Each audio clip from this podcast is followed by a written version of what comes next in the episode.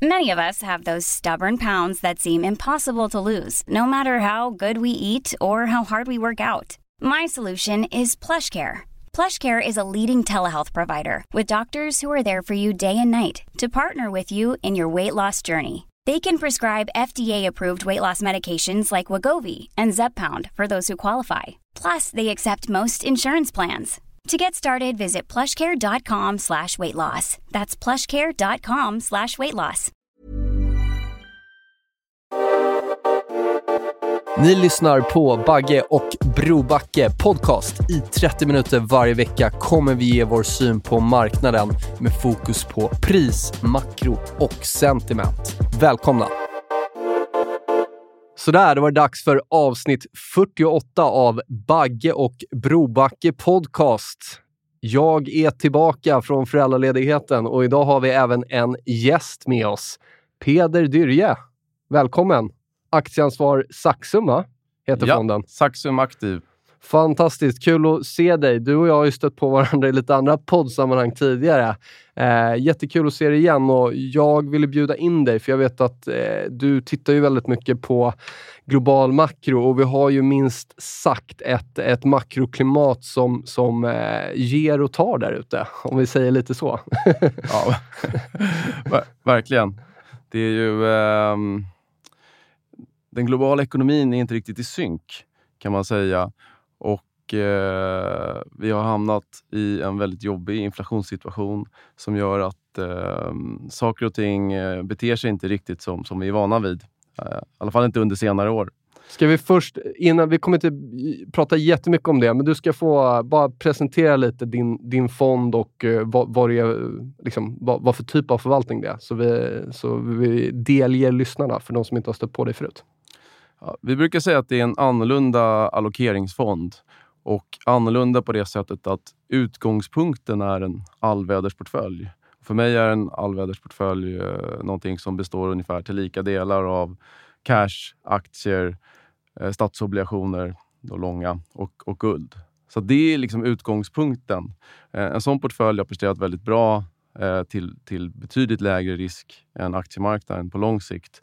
Så att eh, vi börjar där och sen så kollar vi på hur kan vi förbättra den här portföljen? Vad, vad kan vi göra för att uh, öka avkastningspotentialen uh, och kanske även uh, ta ner risken lite?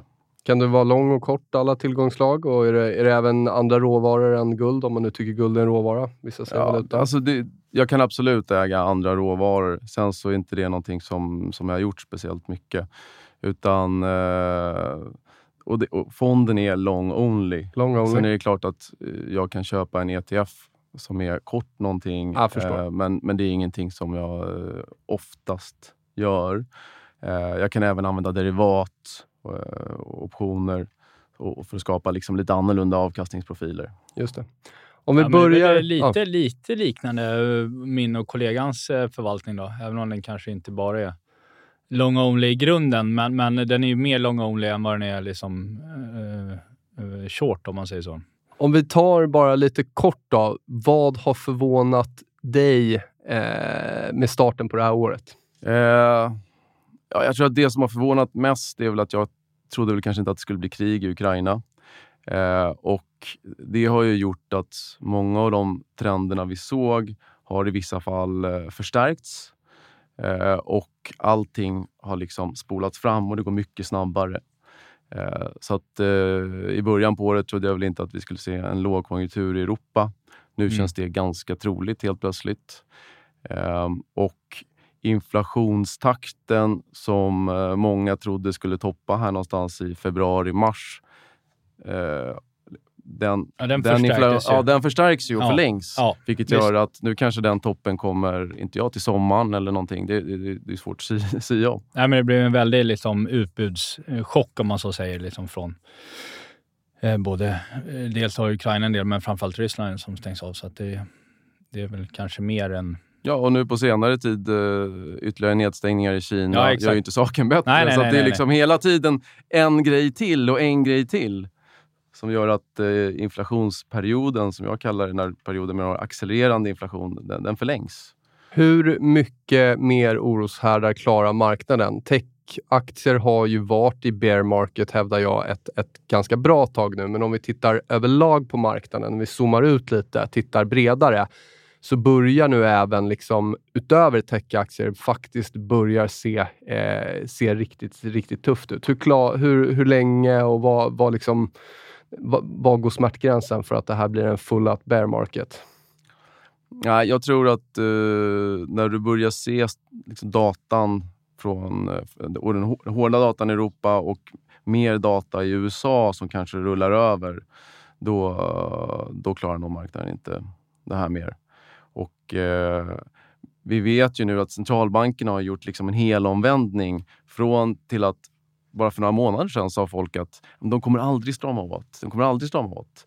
Eh, och helt plötsligt nu så kommer de inte sluta strama åt förrän finansiella tillgångar kraschar. Det, Nej, och det, det känns ju som att det, det, det, det, det, som känns, jag menar, med tanke på den inflationstakten vi har och jag menar, Fed kommer inte vända kappan nu i, i, liksom i juni för att börsen i USA har gått ner liksom 15-10 procent. Det känns ju som att vi går emot en... Ska vi, I min värld är det liksom, ska vi någon gång eh, liksom på, i närtid få en liksom ordentlig sättning så är det ju nästan under det här året, typ in mot hösten, när data börjar rulla över. Och då någonstans blir det som centralbanken lite mer eh, darriga. Liksom. Ja, alltså, du har ju sett men det är långt ner dit. Men... Alltså, även liksom duvor som Lael Brain, Bernard ja, exakt. Äh, har ju liksom kommit ut och, och citerat Volker. Ja, exakt. exakt. skulle hon aldrig gjort för några Nej. månader sedan. Äh, men jag har ju haft... Det scenariot jag har jobbat med äh, liksom långt innan det här har ju varit att vi är i något scenario som är ganska likt det 99-2000 mm. eh, och att vi kommer ha liksom en ganska tråkig börs om man kollar på de breda indexarna mm. eh, under kanske flera år till och med. Eh, men att eh, i, i det här så, så, så kan ju liksom boomeraktier, som jag vet att du gillar att kalla det Nisse, eh, de kan ju ändå gå helt okej. Okay. Ja, visst. Eh, så det är inte, jag ser inte riktigt det här kraschscenariot. Eh, så det är absolut ingenting som, som, som vi såg under covid eller någonting i den stilen. Eh, utan mer, mer att det blir tufft. Och, och, det hänger ihop med att när, när inflationen skenar så är det nästan inga tillgångar som presterar väl. Och Speciellt inte i reala termer. Nej. Nej, men, men du har ju en hel del, liksom, om man kollar på svenska verkstadsbolag, eller SKF, Volvo, så är ju nere på ganska liksom, låga multiplar historiskt, som liksom generellt har varit bra. Liksom, långsiktiga. Liksom. Sen kan det alltid bli värre. Jag menar, det är ju ingenting som säger att de inte kan droppa 20 till. Men, men eh, det beror på vad man får horisont. Så. Nej, precis. Jag, jag sitter ju bredvid en, en aktieförvaltare och uh, han har en... Uh, just SKF är en sån bolag som vi har diskuterat. Mm. Jag följer ju inte enskilda aktier nej, på nej. det sättet. Men, men, uh, och den var nere på P, under P 10 mm. vet jag och nu har det studsat lite. Men generellt sett när... jag tror att när volymen faller, det kvartalet har alltid varit ett bra köptillfälle i SKF. Mm. Och SKF brukar väl ligga lite tidig, tidigare ja, i cykeln. Exakt. Um, så att det är absolut inte så att det är dåligt för all, alla aktier, utan, uh, utan det gäller ju att vara selektiv här. Som du började med att säga så har ju de trenderna som redan började förra året, det vill säga outperformance av råvaror, energi specifikt. Det har verkligen fortsatt i år. Eh, och till och med faktiskt i den här senaste bäsen så, så håller ändå merparten av råvarorna eh, ihop. Eh, du ser även techtraden som började falla ihop förra året och det började med det mest spekulativa och sen spred det sig till large cap, mega cap som verkligen har åkt på stryk i år. Eh, bondmarknaden måste vi komma in på. Eh, jag har tjatat om 3 i, i tioåringen och eh, amerikanska och tyska på runt 1. Eh, och nu har vi i princip varit ja, där. Vi har varit där ja, exakt. Jag köpte faktiskt mina första bonds här på extremt länge. Börjat skala in ja, lite i den positionen. Kul. Välkommen! Eh, eh, men, men hur ser du på bondmarknaden? För jag vet att du har ju en, en väldigt... Eh, eh, ja, du, du har ju bra koll på den och du har ju framförallt en fundamental vy där jag snarare försöker titta på liksom, pris och, och sentiment. Eh, var är bondmarknaden just nu och hur ska vi tolka det som händer? Eh, oj, det, det är en bred fråga. En bred men, ge din vy, för jag men, misstänker men, att du har lite positioner Pratar också. vi långa bonds nu eller? Ja, framförallt. Vi kan snacka allting om vi tar allting. Men, eh, för, för fonden så är ju eh, amerikanska statsobligationer det är en kärnposition.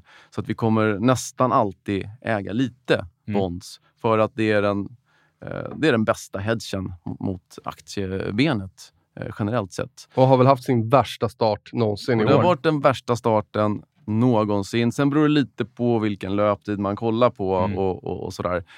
Och sen så är det ju, alltså, vi, vi börjar på låga räntor och då krävs det ju inte så stor ränteuppgång för att det ska bli den värsta starten. Nej. För en grej som, som jag kollade på tidigt är om du går tillbaka och kollar på 70-talet när du hade ett väldigt stort ränteuppställ.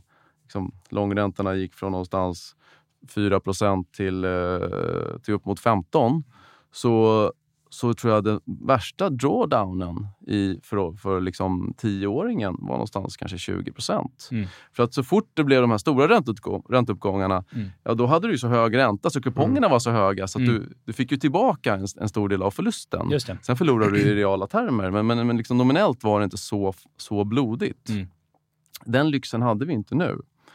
Eh, och I fonden hade vi liksom ganska mycket obligationer under covid och sålde ungefär hälften av dem i mars 2020. Mm. Vilket var ju jät- ju- jättebra timing. Bra. Eh, tyvärr gick vi in för tidigt sen när det Mm. studsade just för att ja, jag ville inte ha mer aktier. Och, eh, så, så att, eh, men nu så tror jag att långräntorna, jag tror inte att de orkar upp så mycket mer eh, i den här cykeln.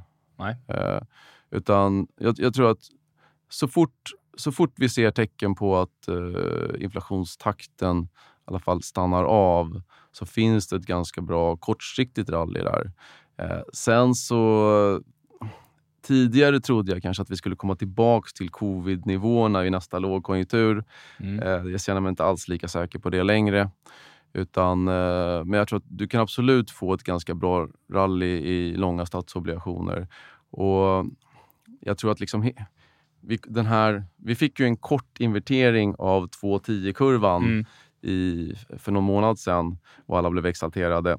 Eh, den, just den kurvan är inte eh, kanske den bästa om man liksom för att förutspå lågkonjunktur. Och, och, och framförallt så handlar det om att den måste vara inverterad under en längre tid. Det kan inte ha bara några dagar eller någonting. Mm. Eh, så jag tror att he- he- hela kurvan kommer att flacka igen. Och eh, mycket möjligt att vi får den där inverteringen när vi kommer in efter sommaren. Eh, om Fed nu ska höja 50, 50, 50 eller Mm. mer än så, Mm. vilket är Mm. vad som prisas in. Mm. Så tror jag att ja, men, ju, ju kraftfullare Fed agerar i, i, i närtid eh, desto, desto gynnsammare egentligen för, för den långa änden. Mm. Mm. Eh, för till slut så börjar den känna att eh, de tar i lite för mycket och, och eh, du börjar se ett rally i de långa räntorna. Så att jag är väl eh, jag är ganska positiv under resten av året på de amerikanska långräntorna. Och, och, och det man kan, det, det är lite som jag, jag och Nisse brukar vara inne på, det är ju att det är ju det skiftet, så att säga, när, när flödet går liksom in i långa bonds från aktier. Det, och det har vi väl kanske möjligtvis att vi har börjat sett det nu. Det är ner i alla fall 25-20 punkter nu sen topp då för någon vecka sedan eh, på tioåringen. Eh, men det är där som, jag menar, alla har ju liksom sålt sålt bonds egentligen, eller allokeringsmässigt, alla flöden gått ur bonds in i delar av aktiebenet i alla fall, typ som eh, råvarurelaterat, eh, utilities, hälsovård, den defensiva sidan.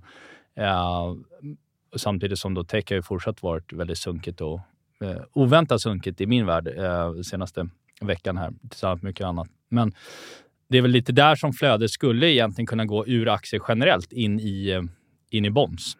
Eh, Alltså jag, brukar inte, jag brukar inte tänka på det i, i form av flöden för att det är, ju- det är alltid lika mycket pengar som flödar in i en tillgång som flödar ut Mm. per, per definition. Utan det handlar ju mer om hur, eh, hur ivriga köparna är respektive säljarna Mm. eh, som driver eh, kurserna. Så att absolut, när, när du väl ser sämre konjunktur och då, kommer, då faller inflationen Ja, tillbaka. ja, ja, och det är det, alltså, Fed vill ju skapa en inbromsning. De hoppas, säger de, hoppas på en soft landing. ja. Kommer man tillbaka till 1913 och kollar på alla gånger de har stramat åt så har de lyckats med en soft landing tror jag, 10 procent av fallen. Så Ja. de har ett jättebra track record. Det är ju svårt med, med soft landings i den här typen av skuldsatt eh, värld. Ja. Liksom. Det går ju snabbt åt båda hållen. Ja, ja, och, till, till och med Ingves erkänner ju att eh, eh, svenska, svenska ekonomin är kanske mer räntekänslig än någonsin. Eh, Ja, så mycket lån har väl liksom... Jag menar visst att det är mycket liksom lån på bostäder och så, men sen har du ju lån på... Du har ju konsumerat genom kredit egentligen senaste åren på det mesta. Bilar och liksom, du har ju liksom allting på...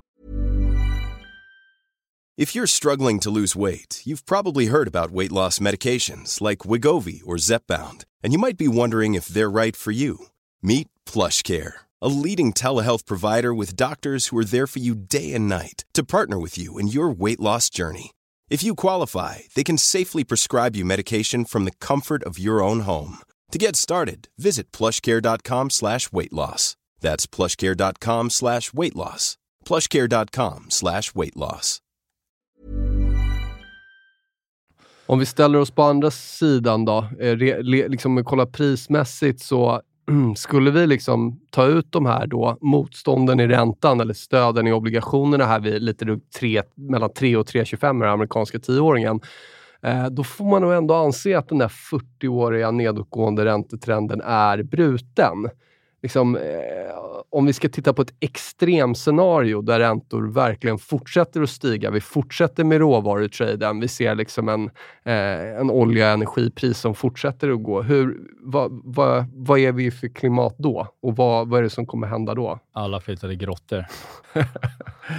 Ah, samtidigt nej, har aktier gått upp liksom när, från att räntorna gått från noll- 0,5 till... Ja, eh, ja, ändå, eh, eh, liksom, aktier har ändå funkat i en uppåtgående räntemiljö och så har det sett ut historiskt också. Så att, eh, Alltså jag tror om du kollar på, på liksom inflationsperioder, så tar du USA så har det, inte, det har inte spelat någon roll egentligen om du har legat i statsobligationer eller aktier när inflationen accelererar. Båda har varit lika dåligt.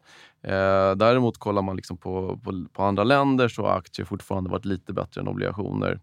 Eh, så att, och jag menar, det vi såg nu, den här inflationsperioden som definieras som när inflationen bryter 2 eh, startade i, i mars tror jag, förra året.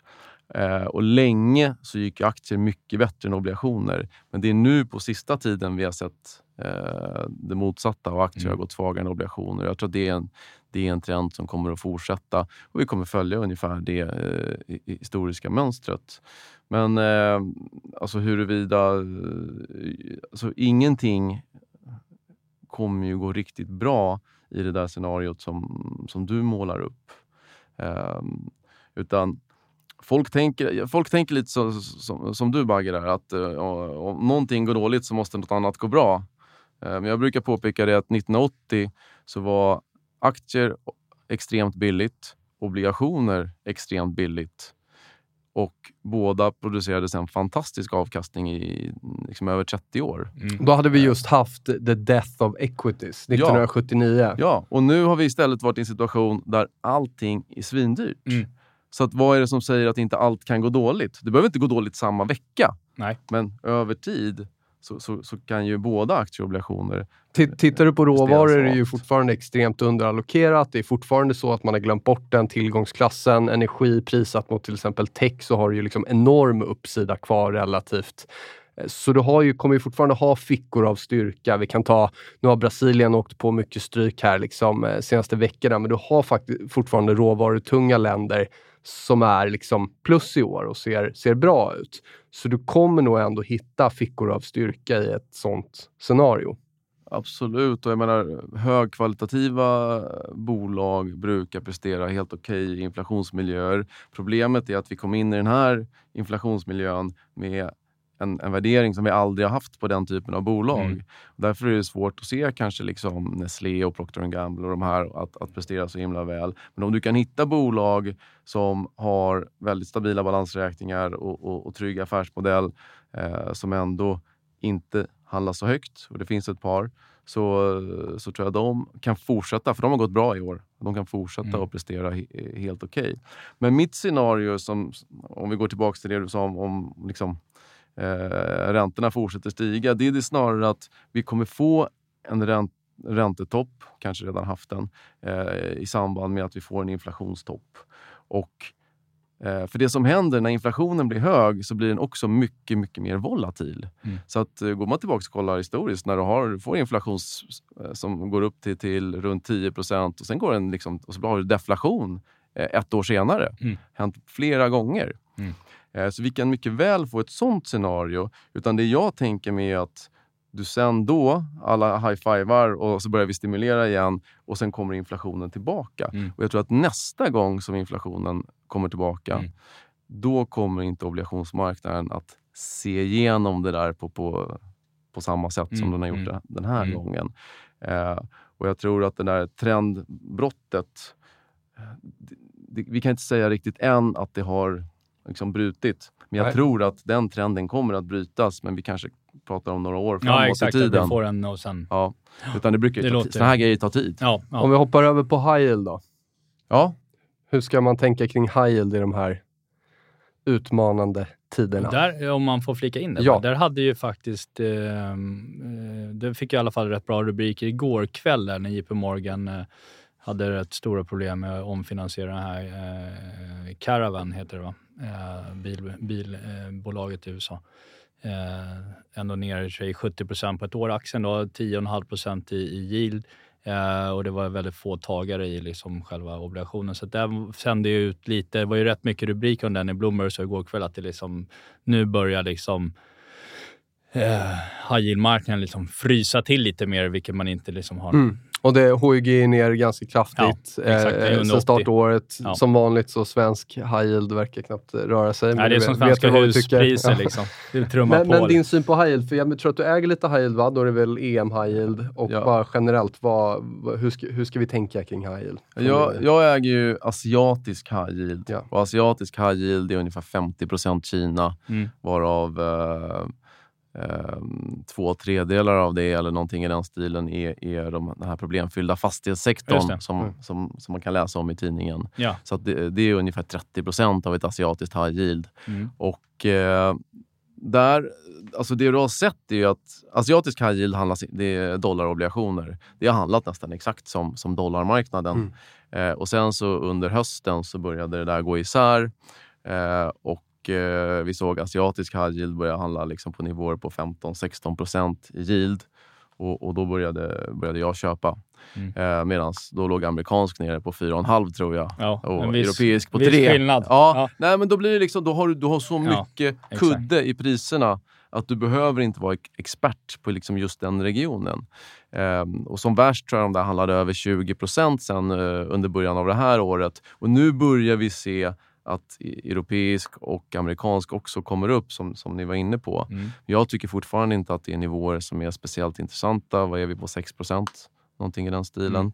Mm. Uh, och sen ska du räkna med snitt default rate är strax under 4, så får du tillbaka lite i recovery. Så mm. du får räkna med att du förlorar en 3% eller någonting om du köper high yield i, i, i defaults. Mm. Så du måste ha en ränta som kompenserar för det.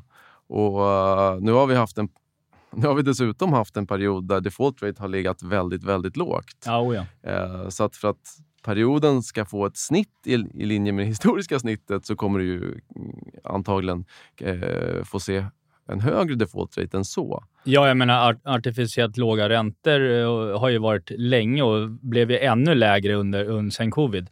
Eh, och det är klart att det har ju hållit eh, extremt många bolag som... Jag skrev en krönika på, på ämnet idag i Omni på liksom under vingarna som i en traditionell skolboksekonomi liksom, ekonomi hade liksom slagits ut. Liksom. För att de har inte någon mycket till existensberättigande att göra, så zombiebolag. Liksom. Jag tycker varje gång jag ser någon sån där graf på eh, andel zombiebolag i ekonomin så har den tickat upp någon procentenhet. Det har hållit på väldigt länge nu. Ja.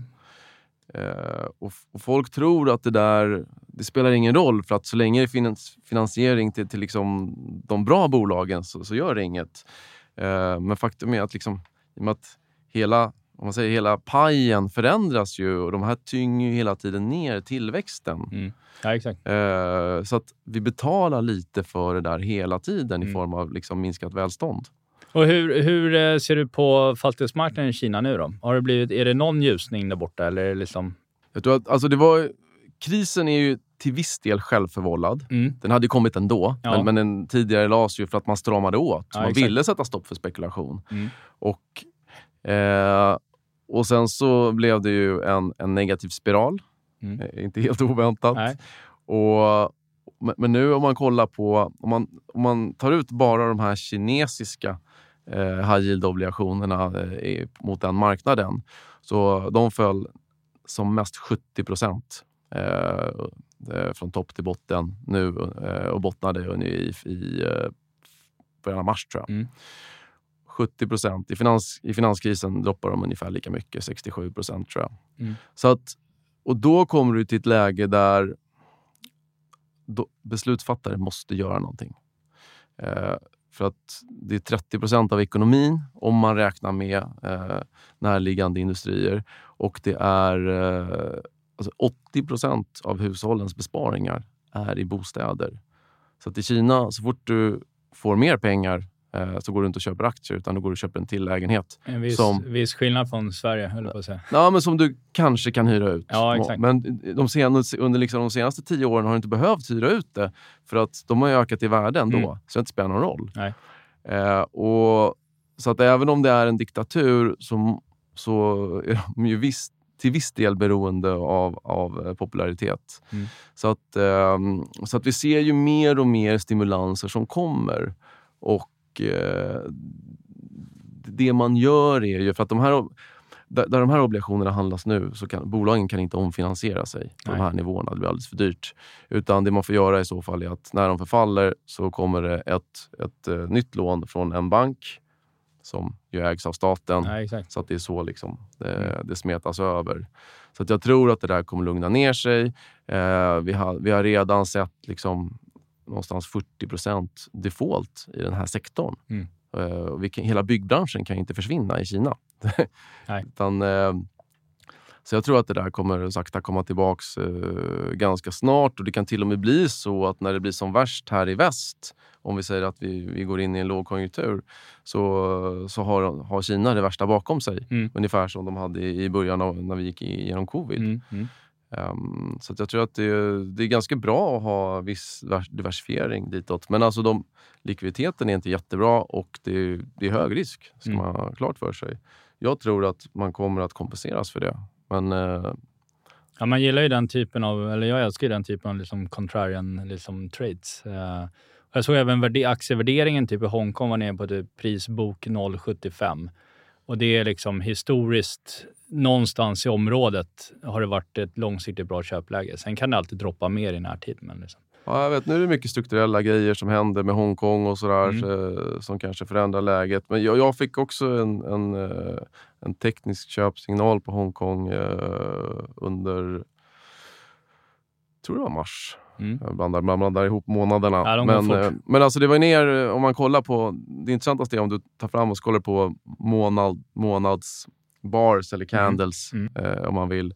Så det var ner 20% på månaden Mm. och det stängde ner 2,5 eller någonting. Mm. Så du får en enorm ska, doji. Problemet med den är att den här månaden har den där börjat Ja, gått ner igen. gått ner igen. Ja, jo, jag vet. Eh, och det såg, faktiskt, det såg faktiskt riktigt bottnigt ut bara för några veckor sedan. Men nu börjar det se ganska svettigt ut i den Hongkong eh, HSI. Alltså. Ja, jag har ingen liksom, ren position i Hongkong. Eh, Det är lite kinesiska aktier i, i de tillväxtmarknadskorgarna korgarna som jag Mm. äger. Mm. Eh, Jag är inte överviktad Kina där eller någonting. Utan det är, det är framförallt de här high yield-segmentet som jag tror är intressantast där. Ligger Mm. högre Mm. upp i kapitalstrukturen.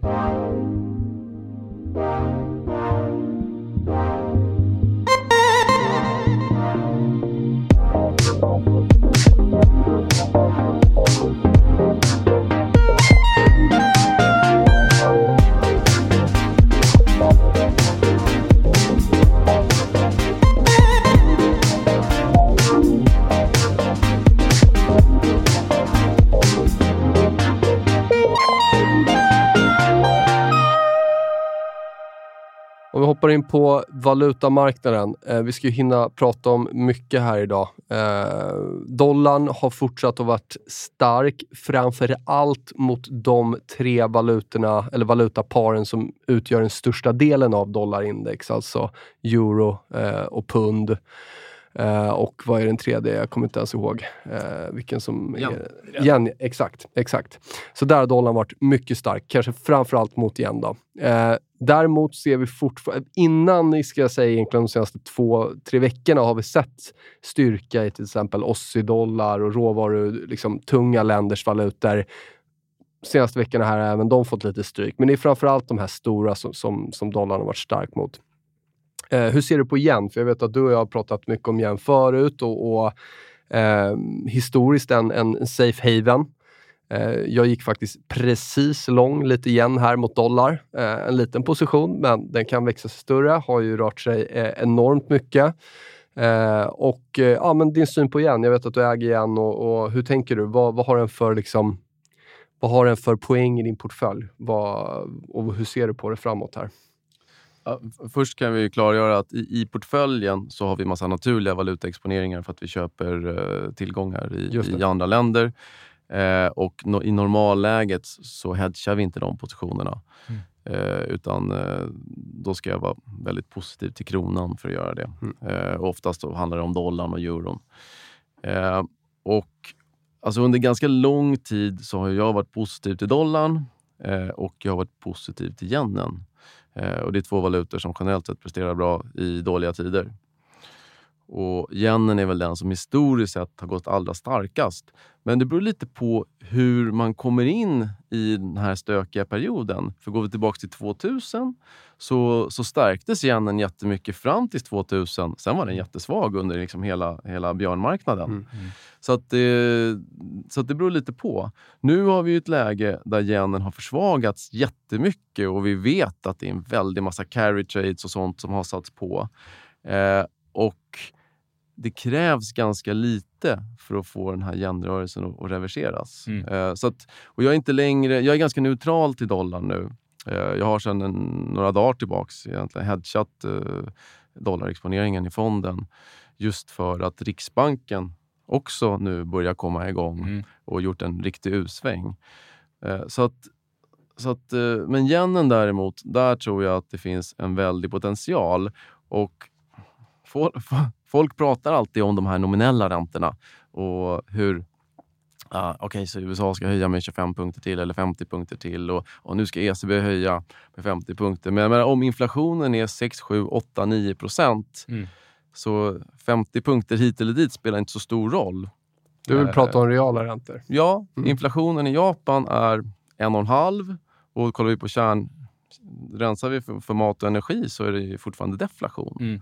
Så att det är en, det är den enda valutan egentligen där du inte förlorar köpkraft hela tiden. Och den, har, den är rekordbillig. Den har aldrig varit så här billig. Vi vet att positioneringen är extremt negativ. Mm. Så att allt som krävs nu det är att antingen att ränteuppgången avstannar i övriga världen, vilket jag tror är hyfsat sannolikt. Mm. Eh, eller att Bank of Japan ändrar sig om räntepeggen. Mm. Alltså det man kallar för yield curve control. Och det är ingen som tror att de kommer göra. Kollar man i Bloomberg nu så är det ingen som tror att de kommer ändra den imorgon. Eh, för imorgon är det möte. Eh, däremot verkar Danske Bank tro att de ska höja räntan. Ja, så det. Eh, om det inte står fel i Bloomberg. Men, men enda globala spelaren som tror det. Ja, ja. Nej, men alltså grejen är så här. De tjänar ingenting på att ha den här räntepeggen nu. Eh, och vi har bytt från att vara i en värld där alla vill ha svag valuta för att eh, få öka, mm. Eh, åka snålskjuts på andra länders efterfrågan mm. till att, ja, vad, vänta nu, nu, nu är det högt inflationstryck. Nu vill jag ha stark valuta för att inte få så högt eh, inhemskt inflationstryck. Mm. Eh, och Jag tror att även i Japans fall så, är det, så borde det bli mer uppenbart, om man kollar till exempel på Europa, att är det någon som har fått det bättre när vi gick från 1% inflation till 7? Är det någon som har fått det bättre? Är det några hushåll som har fått det bättre? Nej. Eh, och Det här har man ju pratat om. Ah, det vore skönt med lite mer inflation. Mm. Men det spelar ingen roll. Det, alla har fått det sämre. Och jag tror att eh, de kommer aldrig säga inför man gör en sån där förändring. Utan det klassiska är att man, eh, man nekar, man nekar, man nekar och sen helt plötsligt en dag så ändrar man det. Och då är det alltid några aktörer, några hedgefonder eller någonting som går i Le- putten. Lex schweizerfrancen. Ja. Ja. Ja. Som går i putten. Alltid. Intressant att du nämner reala räntor, för jag satt faktiskt och lekte lite med amerikanska eh, realräntan. Eh, motstånd här vid noll, precis ser vi nu. Och det blir motsvarande då 3-3,25 här i, i tioåringen. Då. Eh, ja, intressant tekniskt. Jag noterade det i alla fall.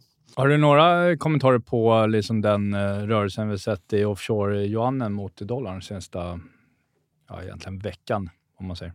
Nej, jag, jag har inte varit eh, liksom positiv till yuanen sådär på, på det här sättet. Utan den, och den har ju kommit på grund av, att räntedifferensen har gått från väldigt positiv till eh, kanske till och med negativ, men i alla fall till ungefär noll mellan Mm, Kina och mm. USA.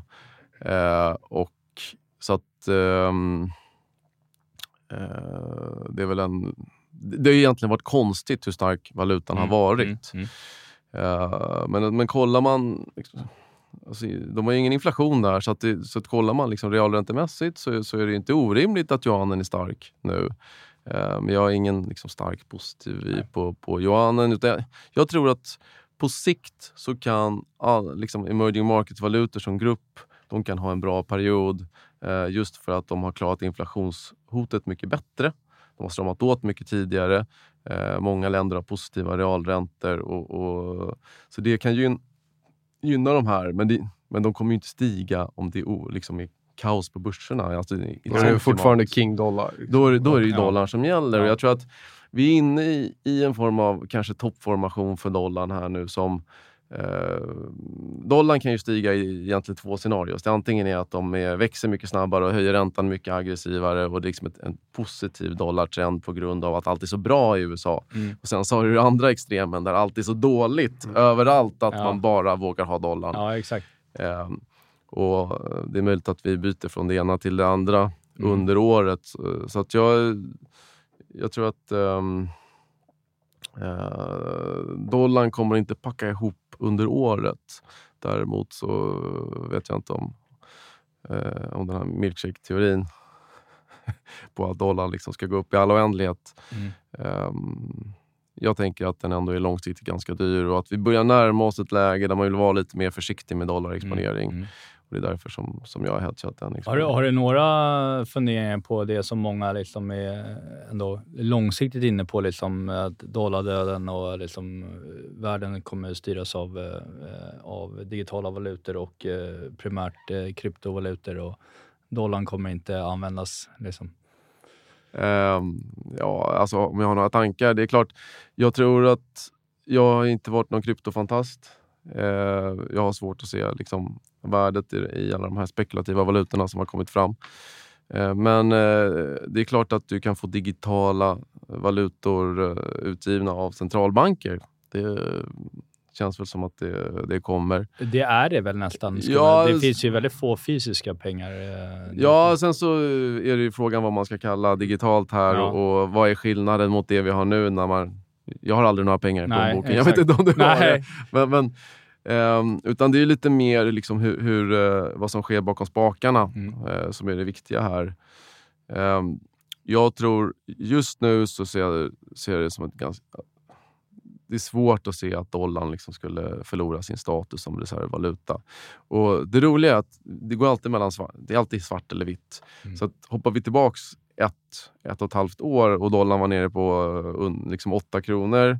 Eh, då var det massa artiklar i Financial Times om, om dollardöden Mm. och eh, den skulle falla ytterligare 30 procent och så vidare. Och nu har den gått upp 20 procent och, eh, och folk är väldigt positiva till dollarn. Det är som vanligt, pris och sentiment. Ja, exakt. Ja, det är i alla tillgångsslag. Att, det för oss osökt in på equities och aktier. Vi måste hinna med att prata lite aktier. Eh, Du äger, sa du, lite drygt 50% av eh, fonden är, är aktieexponering. Vad äger du? Varför äger du det? Och hur ser du på aktier going forward? jag känner att jag, jag lyckades hoppa över den här krypt, kryptofrågan här. Ja, men det var, det var snyggt. Ja, det var, det var för svår. Nej, jag har, i, I fonden har vi eh, eh, nästan bara värdeaktier av olika slag. Eh, och, eh, Är det styckaktier eller är det liksom Nej, det är korgar. Det är korgar. Så jag Ja. köper ju oftast ETFer eh, som inte är marknadsviktade Ja. utan de är tiltade på olika sätt.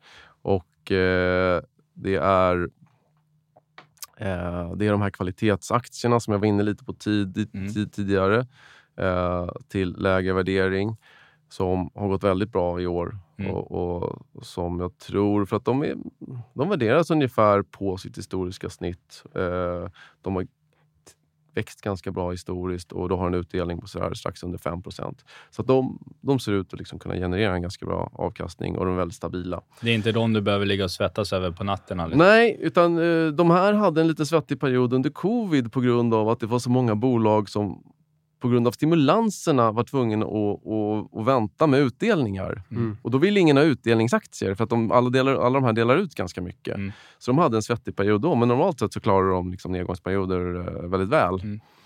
Eh, och sen så resterande del då är olika typer av, av eh, mer rena värdeaktier som är ungefär 50-50 fördelade mellan mogna ekonomier och eh, tillväxtmarknader. Och bara så att alla som lyssnar förstår, vad, vad menar man med en värdeaktie? Jo, då menar man en aktie som värderas lågt baserat på fundamenta såsom vinst, kassaflöde, direktavkastning, försäljning. Alltså fler, flera värderingsmått. Och så om, om de här fundamentala faktorerna viker ner, ja, då kommer ju värderingen att gå upp och värde, den, den här aktien kommer att lämna värdekorgen. Så att, så att det, är inte bara, det handlar inte bara om att kolla på en kursgraf och se någonting som har gått ner mycket och så säger man att det är en värdeaktie. Nej, Eh, så utan, kallad value trap. utan då är det, Är ARK value nu eller? Börjar bli va? Ja, men det lustiga är, jag tar ett, liksom Alibaba, värderades hur högt som helst och var en superdarling. Ja. Nu är Alibaba med i min EM-värdekorg Ja, ja jag ser. Det svänger snabbt. och liksom ett ganska stort innehav. Ja. Så att, eh, men det- det var den ju inte under nedgången. Nej. Eh, utan eh, utan det, det klassiska är ju liksom, ta de tyska biltillverkarna nu kanske. Mm. Eh, är ju med. Du har vissa bolag, SKF eh, Mm. som vi var inne på förut, är ju med som ett svenskt bolag. Utan det är oftast bolag som man, man köper någonstans på P 5, 6, 7, 8. Säljer dem sen när de kommer upp till P 12, 13, 14. Mm. Och så rullas det där hela tiden. Och den här ombalanseringseffekten i värdekorgar är ju det som skapar hela den långsiktiga överavkastningen. Mm. Eh, och då har du motsatta förhållandet i, i, i liksom tillväxtkorgar. Eh, så det handlar inte om att man ska vara bakåtsträvare och inte tro på ny teknik, teknik och sådär bara för att man eh, eh, gillar värdeaktier. Utan värdeaktier har eh, historiskt varit det som har presterat bättre. Det finns ju en anledning att nästan alla framgångsrika väldigt framgångsrika förvaltare har någon form av värdetilt. Mm. Nu ska jag vara lite taskig där, för senaste tio åren Ja, har varit överviktad period. värde så har, har det ju liksom, eh, då har det inte gått bra liksom, relativt. Så att, eh, det finns tider för allt tycker jag. Jag tycker det är liksom, eh, men, men, men, men det är ju det är då ingenting som säger att den här nu outperformancen av value inte kan fortsätta ett bra tag till.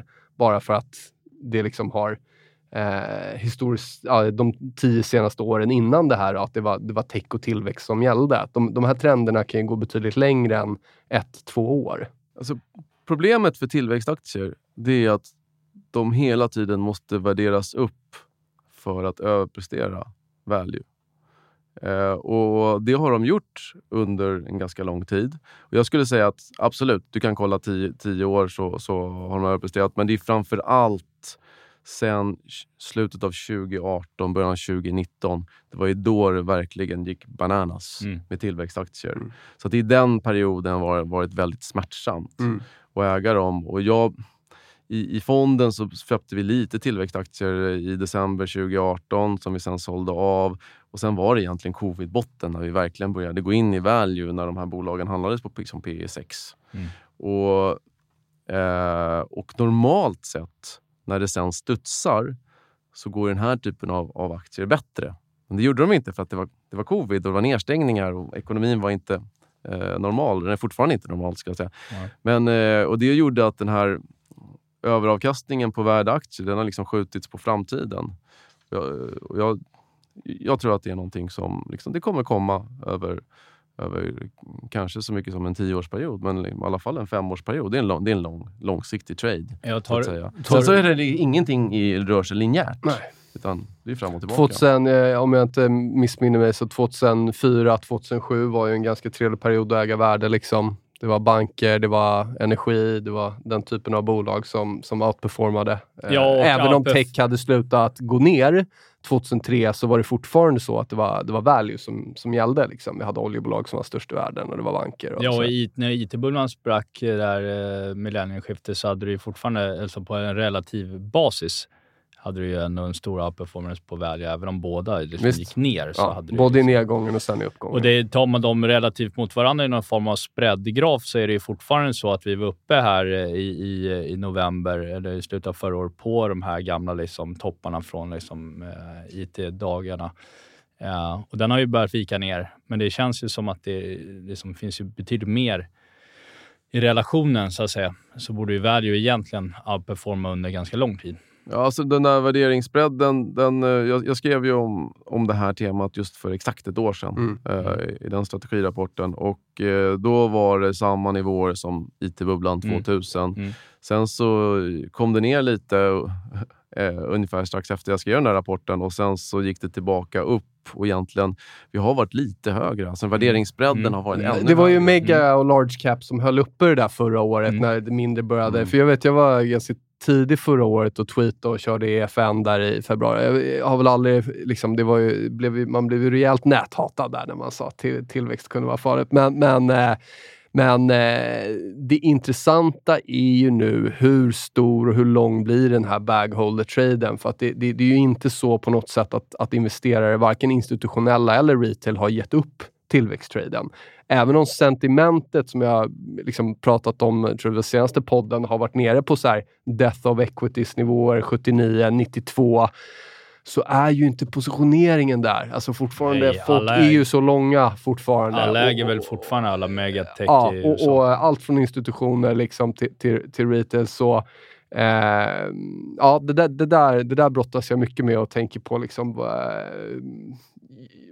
och, och sen kommer det komma kraftiga bear market-studsar. Det är därför jag gillar att nu ha smugit in i bonds, för jag tycker att det är en, en lite skönare position att ha om vi nu spelar ut i en full out bear market här än de här extrema svingarna som blir i, i, i aktiemarknaden. Eh, men, men liksom för mig har precis eh, vi precis brutit nya motståndsnivåer på nedsidan i, i många av de här techkontrakten. Eh, Ja, och enskilda aktier. Med Microsoft studsar precis på sitt viktiga Mm. 270 igår. Jag, ju, jag är ganska oroad för ett bolag som Apple eller sånt här år. Jag menar, om folk avslutar Netflix-abonnemang på löpande band för att du har problem med levnadskostnaderna, liksom, så det är inte... Under, någon gång under året skulle jag tro att Apple kommer med en rapport som visar på ganska kraftigt minskad liksom, iPhone-försäljning. Och så här, liksom. Du kanske Och kan be- hålla men- kvar din men, gamla. Men behöver det ens vara det? Kan det inte bara vara så att det dras med? För att, jag menar, om, om, om man säljer allt annat, om allt annat går ner, då, då, kommer, då ska ju Apple med ner också. Jo, liksom. jo, jo, absolut. Men jag menar, du skulle kunna få en sån här vet, rapportrörelse. Någon, nu kommer Apple med en rapport här i, i när den här podden eh, har kommit ut. Men, men du kan ju få en kvartalsrapport som får en ganska kraftig negativ reaktion någon gång under året. Sen får vi se om det blir Q1 eller om det blir senare under året. Men den tycker jag känns lite läskig. Det, ja, jag vet inte, det var, det var så må många grejer där. Eh, men men alltså de, störst, de största liksom, kortsiktiga rallyerna för, för tillväxtaktier har ju normalt sett skett under perioden när tillväxtaktier trendar åt, åt fel håll. Eh, om man tänker lång-kort-portföljer mot value. Så att eh, du kommer ju absolut se eh, liksom, månader, kanske, och då, speciellt dagar, när, när techaktierna går, går Balans. väldigt bra Mm. ä- även nu. Så att eh, ingenting rör sig i en, i en rät linje.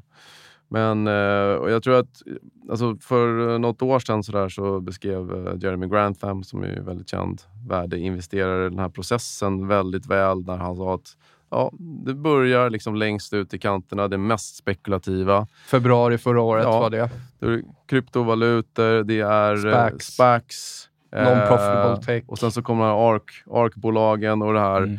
Och, och, och det har ju redan sjunkit, det är ju klart. Men när, liksom när det var ner 60, 70, 80 procent så var ju index fortfarande Mm. knappt ner. Mm. Nej, exakt. Utan det är, sen kommer det till liksom de stora techbolagen och på indexnivå. Mm. Eh, och just där är ju USA extra utsatt tror jag. För att då, det är ju de som har eh, Ja, det är, alltså, merparten av de här bolagen. det är fortfarande akilleshälen för S&P. Och eh, S&P och Nasdaq, ja. Ja. ja. Mm. Eh, men vadå, det är väl fortfarande 22-23 procent, 24 procent tech i S&P liksom, med tanke på den uppgången de har haft de senaste tio åren. Så att akilleshälen för S&P är ju fortfarande liksom eh, megatech-bolagen. Jag kan säga en, en grej här så, så att man blir riktigt impopulär. Eh, men om man kollar på historiska liksom, här inflationsperioderna med perioder med accelererande inflation. Eh, de absolut sämsta eh, subsektorerna att ligga i har varit den sämsta har varit mjukvarubolag eh, och den näst sämsta har varit fastighetsaktier. Mm. Um. Ja, men det är ju räntederivat. Det ser vi nu på liksom fastighetsbolagen här i, i Sverige också. Det är intressant, om vi tar från förra året. De började att ta ut, liksom, ja, men det, var, det var betting och sen var det gaming och så nu har man tagit ut fastighetsbolagen. Liksom ja, nej, men det känns som att det Ja, spelar det är den här ut böden som går runt i Ja, dörrarna. visst liksom. är den memen, exakt. Men ska vi ta på oss lite så här sköna rosa glasögon? Vad är ett, vad är ett härligt eh, bullscenario som, som när marknaden, när man, när man liksom prisar in det, det värsta? Om vi tittar på då sentimenten som ändå är extremt låga, även om positioneringen fortfarande är liksom kraftigt lång. Vad skulle vara ett riktigt positivt scenario? Hur skulle det kunna spela ut här under, under resten av året? Och ett riktigt positivt scenario. Jag, är ju, jag vet inte om jag nämnde det tidigare, men just liksom i, i närtid så, så känner jag att jag har svårt att se att det skulle finnas liksom så mycket bränsle för liksom ytterligare nedgång. Utan Mm. Jag tror att det kommer studsa här och eh, kanske kan vara bra en bit in i maj, kanske längre. Jag vet inte. Mm. Men, men eh, det, det är ju alltid svårt att säga när man, Mm. när man gissar så här. Men, men en, Men det, det, om vi, det får vi kalla då någon typ av bear market Det är bounce. snarare en studs. Ja, vad, Ja. vad skulle tas upp? Jag, jag har ju några grejer jag tycker, men det är så här, ja, men, ja, du vet, vissa index som ändå är nära all time highs och sen kolla på Australien och lite andra grejer. Men vad, vad skulle du se att vi tar oss ur den här ändå negativa trenden som vi någonstans är inne i och det faktiskt går upp och gör nya högsta i liksom, delar av Ja, marknaden? nej, men då måste ju de, de grejerna som har gått åt fel håll måste ju reverseras. Och om vi börjar med inflationen så behöver vi ju se att den inflationstakten börjar komma ner Mm. utan att centralbankerna har hunnit agera på det här som är inprisat i räntemarknaden. För då kommer man ju så småningom då kommer man ju börja ta ner förväntningarna. Då kanske det räcker med de här eh, kanske räcker med 100 punkter för Fed eh, och, och då är det inte så himla farligt. Då behöver vi inte få en inverterad kurva, vi behöver inte få en lågkonjunktur. Eh, och eh, en annan grej som jag tror är ändå hyfsat sannolik, det är ju att de här nedstängningarna i Kina, Mm. att man börjar hur länge ska man hålla på med det? Mm. Eh, om man, och när man lättar på det så, eh, så kommer liksom logistikkedjorna igång lite. Och, mm, sen så är det ju, jag har ingen vy där på vad som ska hända i Ukraina. Det vet jag inte om ni, ni har heller. Men, eh, men, eh, men du, du kommer ju någon gång komma i kapp eh, där du ligger efter på, på utbudssidan. Mm. Och risken har ju varit att att eh, man, man börjar samla på sig saker, både hushåll och, och eh, företag. Och helt plötsligt så, så tar efterfrågan stopp och så har du den här mismatchen. Du Mm. får en klassisk lågkonjunktur. Men, men, eh, så att du kommer ju komma i kapp om man bara kan... Eh, man måste hålla nere efterfrågan så att vi inte fortsätter att efterfråga varor liksom i 30, 40, 50 procent mer än vad vi gjorde före pandemin. Mm. Eh, och så börjar vi lägga mer pengar på tjänster. Eh, och då får du en, mer normalisering. Vi kommer fortfarande ha liksom eh, en, en inflationstakt som kanske är lite för hög men eh, liksom, eh, ECB behöver liksom inte höja räntan så Nej, mycket. nej. Utan kanske kan gå tillbaka till noll och sen så, oh, det var bra så för att Mm. annars så smäller Italien och, Mm. och det blir tack och hej. Mm. Så, att, så att det går ju absolut att se ett sånt scenario. Just nu så är all, alla liksom indikatorer på, på, på, som är lite mer framåt, framåtblickande i Europa pekar ju på att eh, en lågkonjunktur är ganska sannolik. Speciellt Tyskland. Ehm, men den, kanske, den kan ju bli kortvarig. Mm. Eh, för att eh, i USA är det mer spretigt. Och jag menar, och i vissa grejer, tar du bilindustrin och sådär, där är det ju inte ens återhämtat oss. Så att det, och Så att, eh, jag skulle inte säga att någon lågkonjunktur är hundraprocentigt säker. Utan investera handlar ju alltid om att bedöma sannolikheter. Mm. Självklart. Eh, och sen ska folk alltid ut, utvärdera, den på, på, utvärdera på utfall. Men eh, ibland händer saker som, som det hade varit ganska korkat att betta på eh, om, eh, på förhand. Så att det är svårt att säga. Så att det, det går väl att se ett positivt scenario. Men jag tror även i de här positiva scenarierna som jag ser så tror jag ändå att det blir liksom en, en övergång från den här eh, superhetsen kring amerikanska techaktier till någonting bredare, lite Mm. mer normalt, lite mer emerging markets, lite mer Europa. Eh, lite mer boomer stocks. Vissa aktier går upp, andra går ner. Det var väl så det var liksom innan, innan det här hela tech-grejen började för eh, x antal år sedan. Så det kanske går tillbaka till det då. Lite mer stockpickers market. Ja, kan man absolut tänka sig. Mm. Eh, så att, eh, så att det, ja, ett positivt scenario är inte omöjligt. Nej, det är vi glada för. Ja. Ja, men man kanske skulle passa på att runda av där med Ja, lite... jag tror det. Jag tror det. det var glasögon. eh, sjukt kul att få prata med dig igen Peder. Ja. Alltid roligt att höra dina tankar. Fantastiskt. ja, Bagge, kul att se dig igen. Ja, Fan, nu är vi detsamma. igång med podden igen. Ja, Det blir bra det här. exakt. Nu åker vi. Kul och, och grattis igen Nils. Tack, tack. Nej, men, eh, alla lyssnare också. Eh, kul att ni lyssnar och att ni hör av er och skriver och allt vad ni gör. Eh, vi hörs nästa vecka. Eh, tänk på risken, ta det lugnt där ute och ha det gott. Tjena, hej! Hej då! Hej då!